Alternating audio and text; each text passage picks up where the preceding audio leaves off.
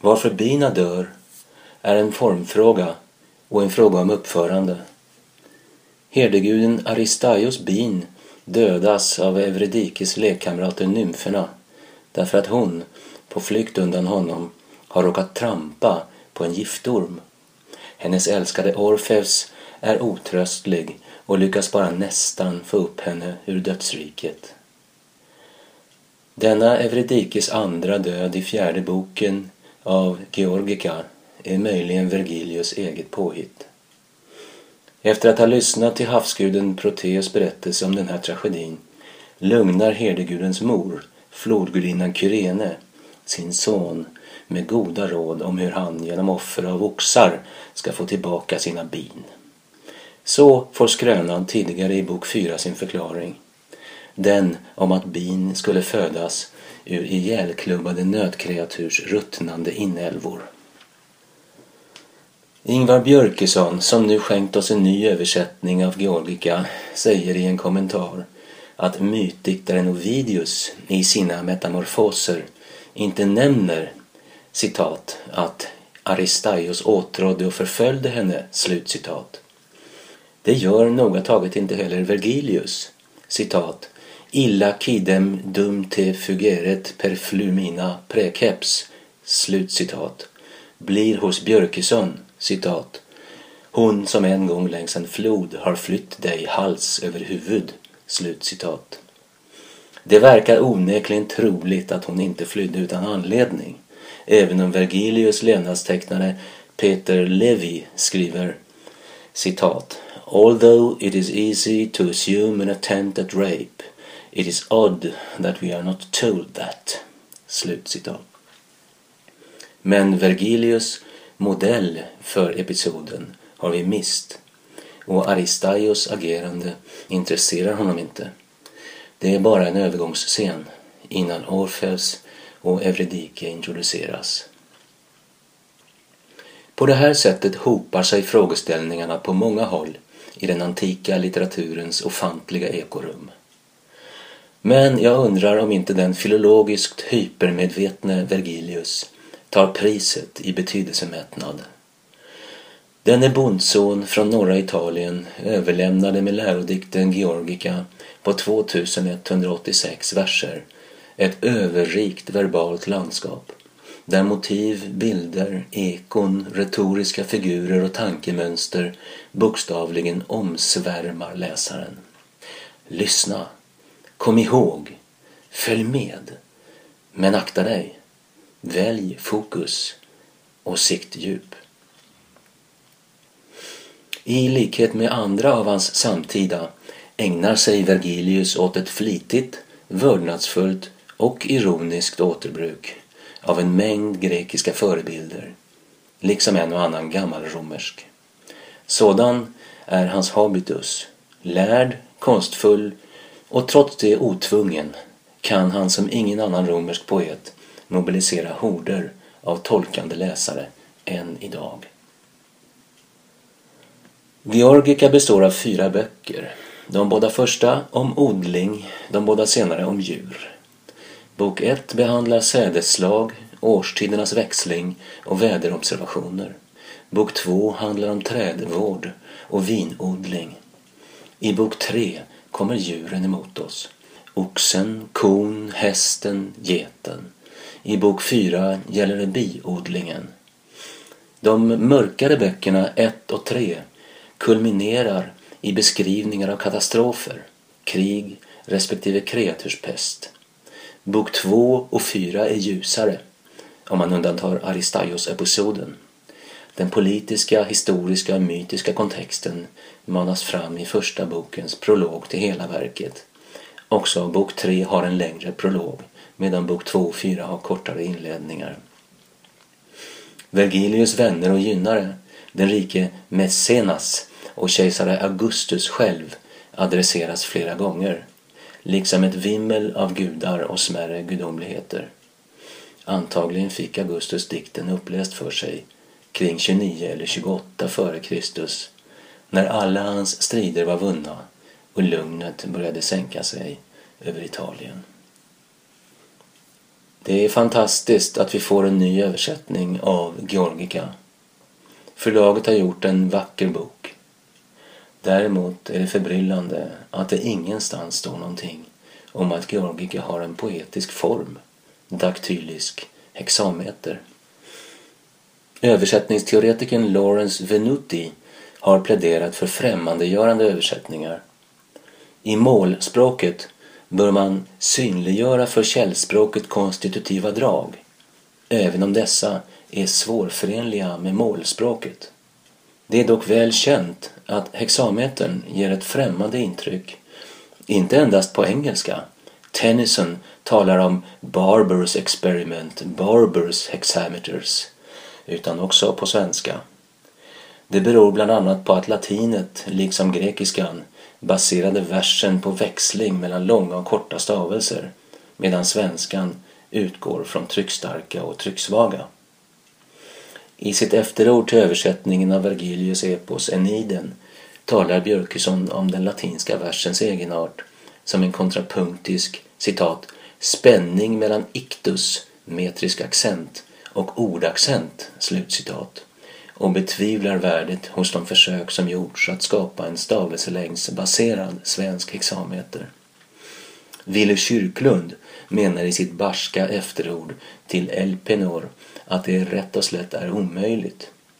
Men därmed är svårigheten att översätta en text som Georgica långt ifrån färdiginventerade. Naturligtvis handlar Georgica om politik, agrarpietistisk arbetsmoral, medkänsla med djuren, epikureisk dyrkan av ögonblicket och naturen, fredens och ordningens pris, poetens kärlek till sina landskap och sin mödosamt erövrade lärdom, kosmos beskaffenhet, döden med mera. Det som får dikten att leva och andas är likväl dess yttre och inre formspel. Rytm, struktur, retorik, syntax, ordförråd, allusioner, intertexter och interna ekon.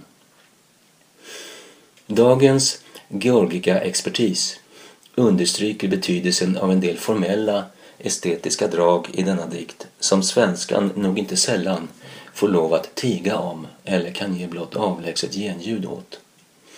Vergilius stiliserar, förtätar och moderniserar exempelvis gamla förebilder som Cato den äldres jordbrukshandledning De Agri Cultura skriven cirka 160 f.Kr. Bruket av arkaiska imperativ med ändelsen to ger också associationer till den gamle bitvargens text. På grund av dessa och många andra drag ter sig Georgica för latinläsaren som en mycket personlig hybrid mellan arkaisk och modern stil. Något som skiljer Vergilius både från de äldre diktarna och från hans samtida i den neoteriska, moderna gruppen där bland andra vännen Horatius ingick. Sedan finns fenomenet Golden Line, ett ordmönster där ett verb föregås av två substantiv och följs av två adjektiv och där substantiven och adjektiven hänger ihop, kiastiskt eller växelvis. Det finns 24 sådana fraser i Georgica. Eftersom ordens logiska samband i latinet inte beror av ordföljden på samma sätt som i svenskan blir dessa gyllene frasers egenartade form oftast omöjliga att översätta även om man kan rädda betydelsen. Ingvar Björkesson har i många år skämt bort oss med viga och lättflytande översättningar av antika texter och hans Georgica är inget undantag. Den hexametrala svenska mångtusenfotingen trampar oförfärat fram över sitt eget fläckvis eftergivliga underlag. Pregnant framträder självfallet också en mängd semantiska fenomen av det slag man brukar räkna till innehållet i vid mening. Det gäller också narrativa grepp som den eleganta växlingen mellan avsedd läsare en lantligt sinnad romersk intellektuell och föreställd adressat, en närmast kusligt boksynt bonde. Den berättigade fröjden över Björkessons bravad bör inte få överrösta de vackra bitoner som föds när åldrade översättningar anar närvaron av en ny. Här och där avger både Adlerberts eh, 1807 och Klebergs 1989 versioner ett fint arkaiserande surr. Där exempelvis Björkesson skriver om citat Myran rädd för ålderdomens misär, slut citat, svingar sig Kleberg upp till det intagande citat Myran som strävar att ålderdoms armod förjaga. Slutcitat. Det har sagts att det centrala temat i Georgica är alltings förfall och plikten att kämpa emot detta förfall när Saturnus guldålder övergått till Jupiters järnålder. Den värld Vergilius beskriver upprätthålls genom hårt arbete. Huruvida det är en pessimistisk eller optimistisk vision är omtvistat. Dikten engagerar ofta läsaren just genom att sådana tvetydigheter får stå på vid gavel, öppna för dryftande röster ur äldre grekiska verk. T.S. Eliot menade i Vad är en klassiker? Hans föredrag från oktober 1944 inför det då nygrundade Virgil Society att Vergilius var en sorts ärkeklassiker eftersom latinet med honom nådde en mognad som kunde innesluta dess relation också till grekiskan. Närmare vår egen tid har man ofta använt begreppet klassiker i tidsligt eller rumsligt snävare sammanhang. Men den centrala betydelsen förblir länkad till latinets classicus, förebild, det vill säga något som man kan härma och lära sig något av. Bakom sig har efterbildaren Vergilius bland andra följande aktivt förvaltade influenser. Hesiodos lärodikt Verk och dagar, den nämnde Cato den äldre, Homeros, Varro, De Re Rustica, Lucretius, De Rerum Natura, Theokritos, vars idyller har betydelse inte bara för Vergilius herdedikter utan även för Georgica, Aratus, Phenomena, om bland annat himlakropparna. En imponerande parnass. Men hans inverkan på eftervärlden spränger alla ramar. 70 år efter sin död betraktades han som ett orakel. Kejsare Hadrianus sägs ha sökt råd genom att slumpmässigt slå upp sidor i Eniden. Dante gör honom till ledsagaren i Divina Commedia. Därför, och genom den fjärde dikten i Herdedikter, som tolkats som en profetia om Jesus, blir han kristenhetens hjälte. Han citeras och efterhärmas seklerna igenom. Men just Georgica får ett nytt genombrott i 1700-talets beskrivande landskapsdiktning. Skotten James Thompsons The Seasons 1730 och fransmannen Saint-Lamberts Le Saison 1769 vore otänkbara utan Georgica. Som Alfred Sjödin nyligen har visat i sin välskrivna avhandling Landets sånggudinna fick Georgica också sitt svenska eko i form av Johann Gabriel Oxenstiernas Skördarne 1796. Och Vergilius lantbruksdikt är en viktig influens också i Johan Ludvig Runebergs Älgskyttarne 1832. Men efter Sturm und Drang, den franska revolutionen, den industriella revolutionen och den romantiska rörelsen övertogs den georgiska impulsen allt mer av en annan diktning. Malte Persson menar i sitt annars genomtänkta förord att den romantiska poesin mest gick ut på idealisering av individuella landskapsupplevelser och att konkret natur inte intresserade romantikerna. Det kan kanske gälla för den tidiga romantiken men inte för diktare som Coleridge och Wordsworth. I studien Walking Literature and English Culture har Andy Wallace visat att den centrala värdeskapande metaforen i Georgica, relationen mellan diktande, jordbruk och samhällsbyggande, i början av 1800-talet övertogs av en annan generalmetafor, vandrandet. På grund av instängsling och ökad stordrift kunde jordbrukslandskapet då inte längre förmedla de sociala och kulturella värden det tidigare förmedlat. En poet som Wordsworth reagerar på detta genom att i sina dikter skriva fram ett landskap som inte kan skiljas från en vandrandes upplevelse. Vandrande och skrivande blir tillsammans subversiva och värdeskapande aktiviteter. i paritet med hur jordbruksarbetet hade fungerat i en försvunnen georgisk värld. Den traditionen har avläggare också i dagens poesi. Faktum är att ett vandringslandskap finns också i Georgika, men eh, kamouflerat. Herdarna, som uppfann biodlingen, vandrade omkring i ett till större delen väglöst landskap. Därför lokaliserar Vergilius upptäckten av honungen, ur vilken guldåldern återskiner, lite varstans i världen. Detta är helt i linje med hans dikts egenart. Vi som läser stiger in i en sällsamt avskärmad miljö. Djur dyker upp och försvinner, men vi vet inte varifrån eller vart. Det som är utom synhåll är oändligt långt borta.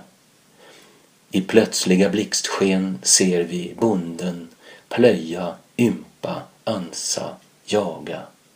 Men vi upplever inga kontinuerliga landskap, nästan inga hus, inga städer. Trots detaljrikedomen förmedlar dikten en paradoxalt klaustrofobisk avlägsenhetskänsla. Men känslan är paradoxal bara så länge man utgår från att människan inte kan vara samtidigt innestängd i och utesluten ur sin värld, dömd till den och främling i den. Idag vet vi att hon kan det. Georgika är en dikt där tid och rum inte förhåller sig till varandra som i den moderna världen. Just därför kan den lära oss något om vår situation. Nuet och evigheten är i Georgika sammansmultna kring människan. Denna homogena obönhörlighet har ännu inte börjat genomkorsas av den moderna epokens sprickmönster av förbindelser. Den moderna kommunikationsvärlden ger upphov inte bara till känslan av att dela det historiska nuet med människor på fjärran orter, utan också att kunna påverka detta historiska nu. Samtidigt som tidspressen i vardagen ökar stegras i moderniteten känslan av att kunna avhjälpa, åtgärda och komma till rätta med tillvaron. Man kan säga att brådskan och åtgärdbarheten tillsammans bildar vattenstämpeln i den moderna människans själ. Med brådskan i Georgikas värld, liksom i vår egen, förhåller det sig annorlunda. Den är inte som i modern tid en fråga om att skaffa sig strategiska fördelar eller kunna kompensera för en ännu reparabel lättja. Brådskan är i Georgika en grav betingelse innebärande att den som inte hinner göra det rätta helt enkelt går under.